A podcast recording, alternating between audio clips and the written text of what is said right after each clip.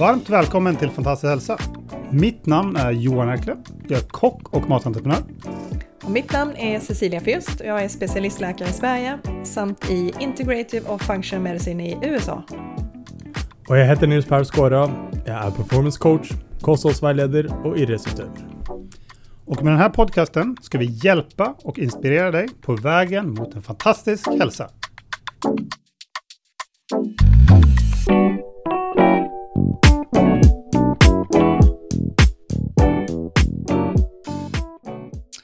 Yes, då är vi tillbaka igen. Och idag ska vi följa upp vårt tidigare avsnitt om laktos, men vi ska fokusera mer på just mjölk och mjölkprotein. Så välkommen Cecilia. Tack så mycket. Eh, när vi pratade om eh, laktos så nämnde du att cirka 65 procent av jordens befolkning hade lite svårt med laktosen. Ja. Men hur är det då med mjölkproteinet? Eh, ja, mjölkproteinet är en ganska så komplicerad eh, molekyl och har också en ganska komplicerad historia. Eh, det som är spännande med mjölken det är att det är mycket beroende på vilken typ av eh, mjölk man, man använder sig av när man producerar olika typer av mjölkprodukter. Eh, och det har visat sig eh, i forskning nu, som man har hållit på med nu sedan 20 år tillbaka ungefär, att vissa kotyper är bättre än andra och det har att göra med de här olika typerna av proteiner som finns naturligt i mjölken. Eh, och tittar man då på den europeiska eh, marknaden så har vi i stort sett bara A1. Eh, frånsett Frankrike och Italien. Okej, okay. alltså A1 man, kor eller A1 kasein. kasein. Ja. Precis, förtydligande. Ja. Ja. Absolut, A1 kasein, det här proteinet som finns i mjölken. Ja.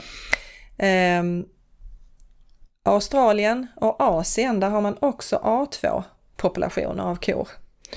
Eh, och där ser man inte samma problem som man ser i de stora länderna som då har A1-kasin som då är Europa och USA till största delen. Eh, och vad är det då som skiljer? Jo, ehm, om man tittar på molekylen A1 och A2 kasin så ser man att det är faktiskt bara en liten aminosyra som skiljer dem åt. Och A1 kasin har en liten molekyl som heter histidin. Eh, Medan kussor som producerar A2-kasein, de har en annan molekyl som heter prolin.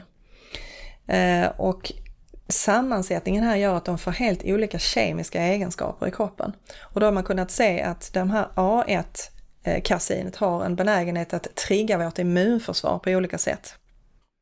Okay. Sen har vi också eh, ett bekymmer i att eh, hur vi hanterar mjölken. Eh, vi måste hetta upp den, Eh, det är viktigt att homogenisera, alltså slå sönder de här små fettmolekylerna för att det ska kunna hålla och inte bli dålig mjölkprodukt. Eh, och den processen gör det också lättare för de här molekylerna att på olika sätt komma in i vår kropp. Och är man då, har man då en viss typ av genetik och en viss typ av känslighet eller ett immunförsvar som redan är eh, primat eh, lite grann mot att reagera mot främmande molekyler, så har man sett i studier att de har en ökad risk att trigga igång olika typer av kroniska sjukdomstillstånd. Okay. Man har till exempel kunnat se att eh, barn som är, har en riskfaktor mot eh, typ 1-diabetes, eh, de en, en, kan ha en triggerfaktor i A1-kasein till exempel. Det är ganska små studier men eh, det är studier som pekar i, i den riktningen så att det är alltså beroende på molekylstrukturer och funktioner i kroppen. Okay. Eh, naturligt finns A2 i get och fårmjölksprodukter till exempel. Och tittar vi då på om vi jämför komjölk, människomjölk eh, och getmjölk. Så vad som skiljer mjölken åt det är just det där att eh, sammansättningen och mängden skiljer sig faktiskt mellan, mellan de här olika, vi, vi som olika djur. Och tittar vi då på oss som människor så har vi ungefär i mammans mjölk så är det ungefär mellan allt mellan 25 till 45 procent eh, kasin i mjölken. Tittar man på kor så ligger de uppe på 80 procent. Vad är det i mycket, män, människomjölk då? I, då är det den eh, A2? A2. Ja. ja. Mm. Eh, och tittar man då, om man då jämför bara, bara mängden protein skiljer alltså väldigt, väldigt mycket. Det är väldigt stor skillnad mellan 80 eh, kasein i, eh, i komjölken och då vi som då ligger på mellan 25 och 45. Och det som är intressant att veta då det är ju att då ligger vi mycket närmare getmjölken i både i typ och i koncentration. För getmjölken ligger ungefär runt 35-50 procent. Okej, okay, intressant. Så, så att bara genom att välja getmjölk istället så kan man då tolerera eh, mjölkprodukter bättre. Ja. Men... För det liknar mer det som vi är primade för att, att få i oss. Precis. Men varför är det så att vi har den uh, A1-kossorna, om vi kallar det A1-kasin i, i... Eh, man har valt dem därför att de är eh, högproducerande. Eh, så att de, du får alltså ut mer per ko. Ehm, så att det, det är en ekonomisk eh, historia egentligen bakom varför man har valt den typen av eh, kosort. För den är avlad fram för att producera Den är framavlad för högproduktion. Ja. Är det. Så det här blir lite liknande det vi pratade om med eh, gluten innan då. Att man trixar lite för att öka produktionen. Precis, precis exakt. Och med det har det kommit någonting som vi inte har kanske riktigt förstått oss på till att börja med, att det faktiskt skadar vår hälsa över tid. Ja, intressant. Så det är li lite spännande när man liksom börjar titta på de här konsekvenserna av det. Precis.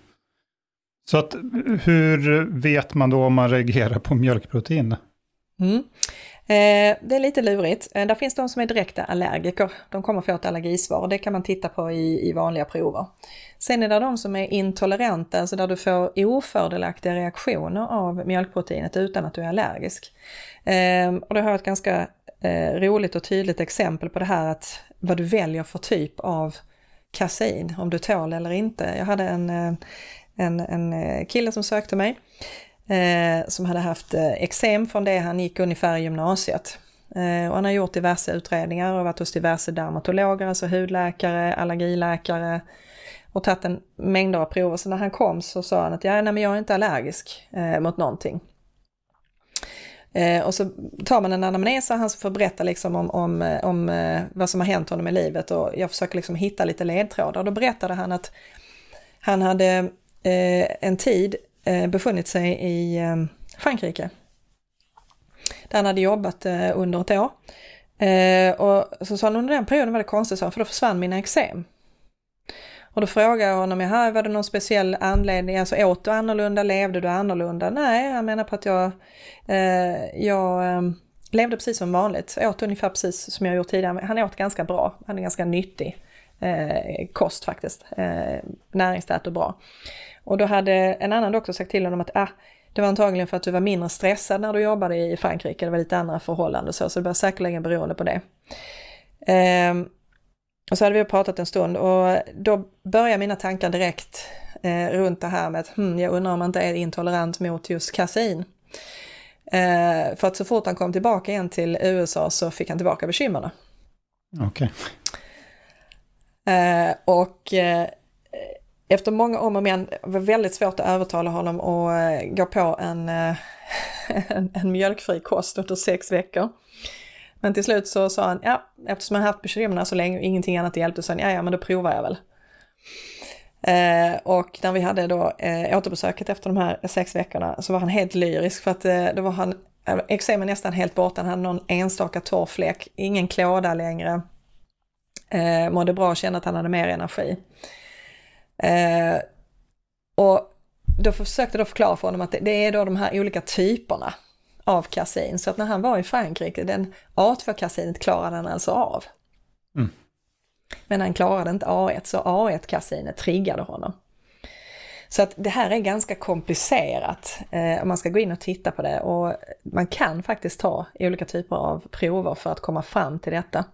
Men då får man titta på något som kallas för intolerans istället. Och ibland kan man då göra sådana här enkla experiment som att utesluta det ur kosten ett tag och se hur kroppen reagerar. Men det är ganska tydligt exempel på hur en liten oproblematisk molekyl kan ge ett väldigt stort bekymmer för en person och bara genom då att veta varför och skifta eh, så, så får man då de här enorma konsekvenserna i kroppen och att man då kan, faktiskt kan läsa, läka ut någonting som man har haft och dratt med under väldigt, väldigt många år. Det är ganska otroligt. Och det, det är ganska mm. svårt. Eh, jag lyssnar på lite olika doktorer och sånt som, som jag har hört prata om det här tidigare.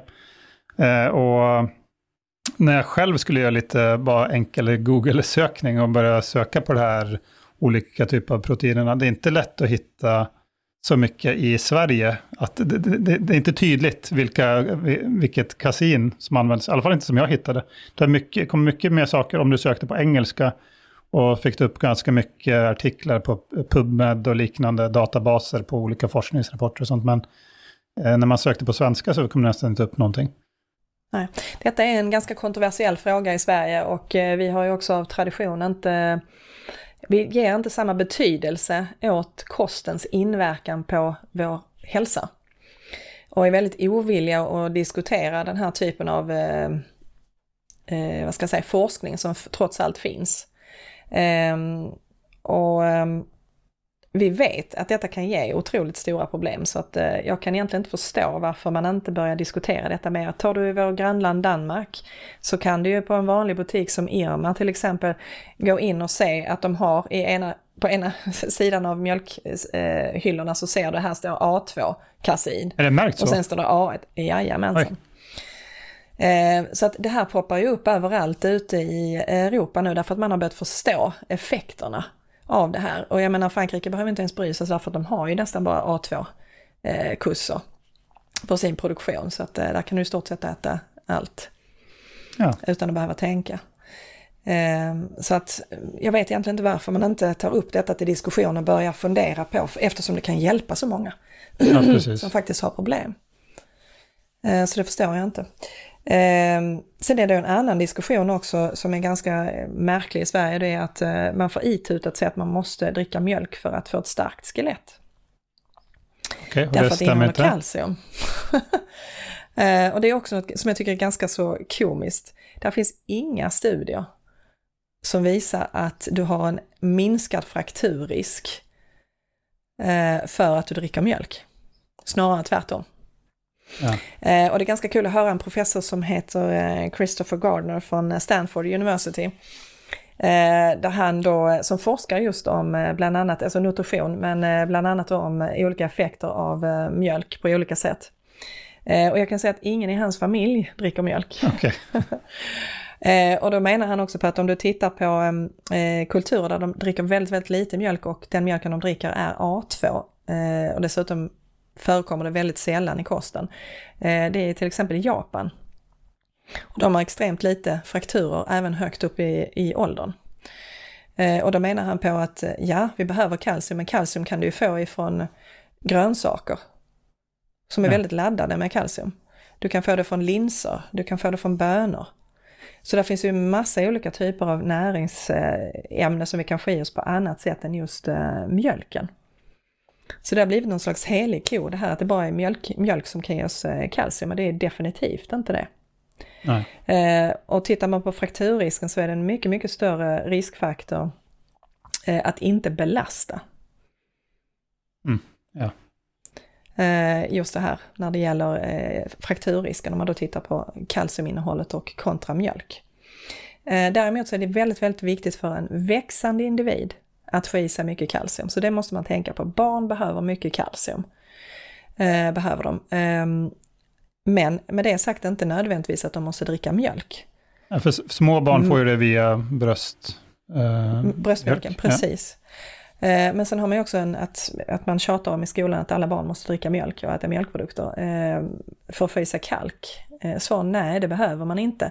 Men det kräver ju också att du, har, eh, att du hemma förstår hur du ska sätta ihop kosten och att du måste lägga en tonvikt vid eh, grönsaksbaserad kost. Eh, och då de här mörkgröna eh, grönsakerna och linser och bönor för att få i dig kalciumet. Eh, men, men som sagt, eh, mjölk är en bra eh, både protein och kalkkälla för barn. Men det beror också på typen av kasein och på din genetik och om du klarar av att hantera det. Ja. För annars kan du få en motsatt effekt. Så hela tiden måste du göra en avvägning. Mm. Eh, och kanske då istället välja getmjölksprodukter. Precis. Som liknar det vi själv producerar. Då är det bättre att välja den typen av produkter. Ja. Vilka grönsaker är det som har mest eh, kalcium då? Du sa gröna, är det på broccoli och spenat? Alla, alla mörkgröna grönsaker egentligen. Det man ska tänka lite på som, man, som är en sån här udda, eh, som innehåller mycket kalcium men som är svårt för oss att ta upp, det är faktiskt spenat. Ja. Så att den är inte någon sån här jättebra i de här mörkgröna eh, delarna.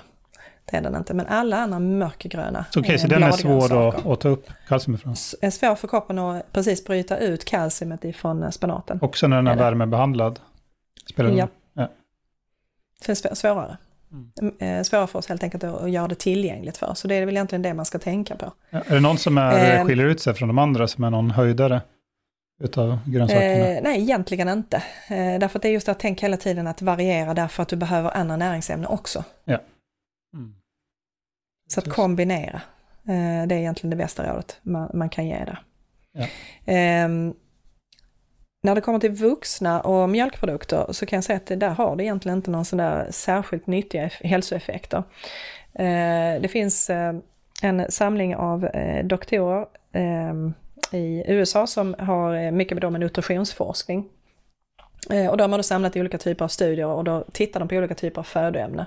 Och just mjölk har ju singlat upp som en faktor som man ska vara försiktig med eftersom den innehåller ämnen som kan vara ofördelaktiga i olika typer av eh, sammanhang för vår hälsa i det stora hela. Och där har vi då bland annat då eh, olika typer av kasin, vi har eh, hormoner som finns i mjölken. Vi har olika typer av pesticider alltså gifter, helt enkelt beroende på vad kossorna får lov att äta. Så att det är, en, det är en ganska stor problematik runt vilka övriga ämnen som finns i mjölken. Och man har kunnat se att man har en ökad risk för vissa typer av eh, hjärt-kärlhändelser eh, beroende på kvaliteten och mängden. Så att lite mjölkprodukter är ingen fara. Mycket mjölkprodukter kan vara direkt ohälsosamma. Ja. Så mycket ost, eh, glass ehm, eh, och allt för mycket mjölkdrickande ökar olika typer av risker för sjukdomar. Eh, gör det. Där, finns, där fanns, finns bland annat en eh, jättestor studie på, eh, gjord på kvinnor eh, och bröstcancerrisk. Och de som hade hög konsumtion av mjölkprodukter, då gärna eh, ostprodukter och eh, glass, Eh, där såg man en 50, 53-procentig ökning av bröstcancerrisken hos dem. Oj. Så då kommer vi in på det här med mängd eh, också och känslighet.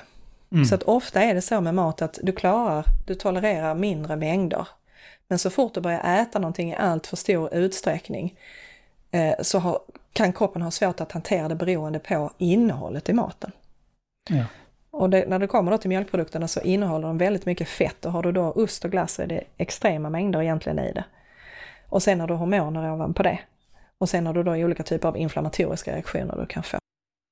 Så i, i, när vi pratar om just glass som du säger då, så kommer de där fetten och, och alltihopa Precis. ihop med socker. Så det kanske socker. inte gör saker då, bättre. Det gör definitivt inte saken bättre för då har du två komponenter som driver. Ja. Men ost är också en sån här som man ska tänka på som är väldigt, väldigt laddad med eh, mättade fetter och som kommer att höja kolesterol i olika typer av ofördelaktiga reaktioner om man äter för mycket. Mm. Så vi kommer hela tiden tillbaka till det här. Mängd, individualitet, tolerabilitet och att välja typer som vi är anpassade efter att kunna bryta ner. Ja. Men om man nu, du nämnde ost att det är laddat. Det finns väl, eh, som vi har sagt, ost som är bättre. Det som ofta kommer upp, som jag hör eh, ganska mycket om, är just den där eh, äkta parmesan. Då. Att den italienska parmesan reggiano, det som är liksom originalet, lagrade i minimum, minimum 12 månader. Den, har väl, den är väl alltid på den A2-kusin? Alltid A2, ja. Och låg laktos också, stämmer det? Precis, exakt. Så att ska man välja de här produkterna så väljer man bra kvalitet, franskt, italienskt, och i mindre mängder. Ja. Eh, och sen kan man tänka också på till exempel äkta buffelmozzarella. Är A2-kasin, alltså inte den som är gjord på eh, ko, utan buffelmozzarellan eh, är A2. Och sen ska man också tänka på då alla get och fårmjölksprodukterna. Det är A2 plus att det är mindre proteininnehåll och mer liknar det vi själv är producerar så att säga, så det ligger närmare oss. Ja, och där har du ganska mycket goda getostar en, en god chèvre eller något liknande. precis. Det finns mycket att välja mellan. Mm. Så att det är inte det att man måste ta bort utan eh, man måste tänka på hela tiden som vi pratar om ofta när vi pratar du och jag och Johan, det är helheten. Helhet och kvalitet och kombinera det med, med hur du själv fungerar och vad du tål. Yes. Eh, och det var lite därför jag tog upp den här killen, för att det blev så tydligt, just när han flyttas, flyttar sig mellan två kontinenter mm. och bekymren försvann. Eh, och han hade gjort alla typer av utredningar och ingenting visade att han var eh, allergisk mot det. Nej, det var han inte, men han var intolerant mot det. Och det triggade hans genetik om det var fel typ av kasin. Mm. Ja, det är väldigt intressant. Men vad med, eh, finns det inga kossor i Sverige tänkte jag säga som är A2? Man brukar prata, en del restauranger använder sig av sådana här fjällkor och sådana här gam, gamla sorter. Ja, fjällkor är A2. Ja. Så att uh, Jersey och Guernsey är, är de som producerar A2. Där finns små öar av bönder som har den typen av produktion. Ja. Ja, jag vet många sådana topprestauranger eh, i Sverige använder sig av just sådana fjällkor just och serverar dem eller kanske just mjölken av dem. Då. Precis, precis, exakt. Och då, då kommer vi in på det här, då har vi A2 helt plötsligt. Ja. Jag kommer ihåg att han... Det är, det är en helt annan. Ja, han, han, eh, vad heter han, Magnus Nilsson, han som hade den där Färviken, han hade en sån glassbar i Stockholm som serverade eh, som mjukglass av just sån fjäll, fjällkor. Så då är det ganska bra alternativ. Nu finns det inte den längre tror jag inte, men jag kommer ihåg att eh, den var väldigt googlad i alla fall. Precis, så att eh, det är egentligen vi som konsumenter som styr. Så att när vi börjar efterfråga saker så kommer marknaden att ändras efter vad vi vill ha. Men då måste vi också veta varför vi ska välja annat. Precis. Och kunna kräva annat. Så att när man inte pratar om det, inte diskuterar och inte tar upp de här frågorna så tar man också bort eh, människors förmåga och möjlighet att kunna välja själv. Därför man talar inte om förutsättningarna. Nej. Men en annan sak som jag kommer att tänka på som många trycker i sig ganska mycket av, det är sådana proteinpulver. Som ofta är på just eh, sån kasin. Vad är det för eh, protein? Är det A1 eller? Eh, det enda, det enda jag skulle rekommendera där, eh, alltså eh, mjölk innehåller olika typer, kasin är ju eh, kasin är en typ av protein och sen innehåller de en annan typ av proteiner som heter whey-protein. Och whey-protein är ganska så populärt bland eh, olika typer av sportutövare och det klarar kroppen. Och det är dessutom ett bra protein så det kan man använda om man vill boosta upp, om man tolererar det. Ja, men den har fortfarande så laktos? det är en viss typ av protein. ja. Ja. Okej, man kanske inte använder kasein i, i proteinpulver eller? Jo, det finns. Okay. Det finns absolut proteinpulver som använder kasein. Men ska man välja så ska man istället välja det där de har plockat ut det som heter whey-protein. Ja, för det, det, är väldigt dyrare då slip, protein då kommer kanske? Du ifrån, ja, det är ett dyrare protein. Då kommer du ifrån det här med kaseinet. Ja. Ja. Eh, ja, men jag är mer förtjust i eh, plantbaserade proteiner därför de ställer inte till samma oreda. Nej. Och det tolereras av de flesta. Ja, det har jag egen erfarenhet. Eh, jag provade en del olika som whey och sånt eh, när man var yngre.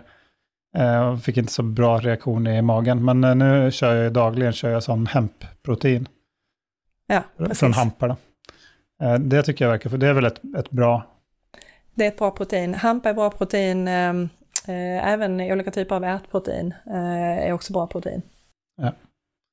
Ja, du får ta en egen uh, specialepisod om uh, proteinpulver. Ja, ja, det, är, det är många som använder det, så att det kanske folk Ja, och då ska man definitivt uh, veta vilka man ska använda och varför. Ja, precis. Ja, men det här är intressant. Så att om vi säger att om vi gör några slut, uh, slutliga rekommendationer, så är det att ostar från Italien och Frankrike. Du, du kan få säga, du kan göra din lilla ja, lista. Eh, precis, eh, absolut. Så att välj A2-kasin och det som du säger Johan, eh, ost från Frankrike, Italien. Då, då, är vi säkra på att det är A2. Eh, att välja eh, getmjölksprodukter är också ett bra alternativ eftersom det är naturligt A2. Att tänka på mängden. Hur mycket stoppar jag i mig? Och sen försöka ta reda på, eh, tolererar jag det eller inte? Och vilken mängd tolererar jag? För ofta är det så att man tolererar en viss mängd. Men när man går över en viss nivå så kan man få bekymmer. Eh, och vid vissa typer av sjukdomar så ska man helst inte överhuvudtaget eh, stoppa i sig den här, alltså i alla fall definitivt inte A1-kasin eftersom det kan trigga inflammationsresponser och annat. Är det några specifika, män noggrann. specifika sjukdomar du tänker på då? Eller? Eh, diabetiker, eh, patienter som eh, har fått reda på kanske att de har cancer. Eh, där tycker jag inte heller att det är någon bra eh, källa utan där ska man välja A2. Ja. Ehm, de som har problem med hjärta-kärl vet med sig att de har en hereditet för hjärt-kärlsjukdomar. Eh, välj A2. Ja. Och där tänk också för att även A2 innehåller väldigt mycket fett. Ehm, så att tänk på totalmängden fett, kolesterol eh, och att man inte får i sig för mycket eh, av fetter eftersom det då kan ge olika typer av ofördelaktiga reaktioner i kärl, kärlväggar. Mm. Just, just när du säger cancer, jag gjorde ju lite, har gjort lite egna sök på det här. Så när jag sökte just på engelska på den eh, A1-kasin så kom det upp någon sockermolekyl där i, i, i det, den typen. Som var ganska, du hittar ganska många eh, forskningsrapporter när du söker på PubMed bland annat. Um. Precis. Eh, och där, där, finns en eh, jättestor eh, studie gjord eh, faktiskt med World Cancer Research Institute där man ser en väldigt klar ökning av de som konsumerar stora mängder A1 eh, kasinprodukter och en otrolig ökning av cancerrisk. Och det är alltifrån bröstcancer, ovariecancer, prostatacancer ja. vid hög konsumtion av A1-kasin. Så att studierna finns där. Måste bara, samtalet måste bara sättas igång där. Precis. Och lära alltså lite av Danmark. Man måste också tänka, på sin, ja, och tänka på, på sin känslighet själv och sin egen genetik i kombination med detta. Ja. Väldigt bra. Är det något eh, vi har missat eller har vi varit igenom det mesta om mjölk? Nej, jag tror vi har, jag tror vi har tagit, eh, tagit oss igenom det, det viktigaste. Ja, det och det som ofta skapar lite förvirring. Precis. Jag tycker också en lärdom man kan ta av det här, att man kanske inte ska hålla på och mixtra för mycket med, med djur. Då. Att när man håller på att ska öka eh, liksom produktionen och man bara ser nummer och liksom pengar liksom, i det hela, så kanske det blir lite dumt. Kan bli dumt. Det kan bli, kan bli väldigt dumt. Eh, och jag menar, vi har ju utvecklats tillsammans med djuren och det, det är kanske så det ska vara. Ja. det är kanske det som eh, krävs, att genetik och, och, och, samspel mellan djur det utvecklas över tid. Och går vi in och börjar manipulera det kortsiktigt så kan det faktiskt få ganska stora konsekvenser. Konsekvenser som vi kanske inte ser nu, men som vi ser kanske 10-15 år framåt. Ja, precis. Ja, men det tycker jag var dagens lärdom där tips. Inte mixtra för mycket. Ja, men väldigt bra. Ja, men jag tycker det var en bra mjölkspecial. Eh, vi får komma tillbaka. Vi nämnde det, vi pratade lite om socker. Jag tycker vi ska köra en egen sockerspecial också. Det ska vi definitivt göra. Det finns mycket spännande att prata om socker. Ja, helt klart. Ja, väldigt bra. Men eh, då tycker jag att vi eh, rundar av för idag. Så tack Cecilia. Tack Johan. Nästa vecka, då har vi faktiskt tillbaka en eh, tidigare väldigt populär gäst som är Anniken Bins. Och då, mentaltränaren. Och då ska vi prata om lycka. Och det får ni höra mer om då. Så tack för det.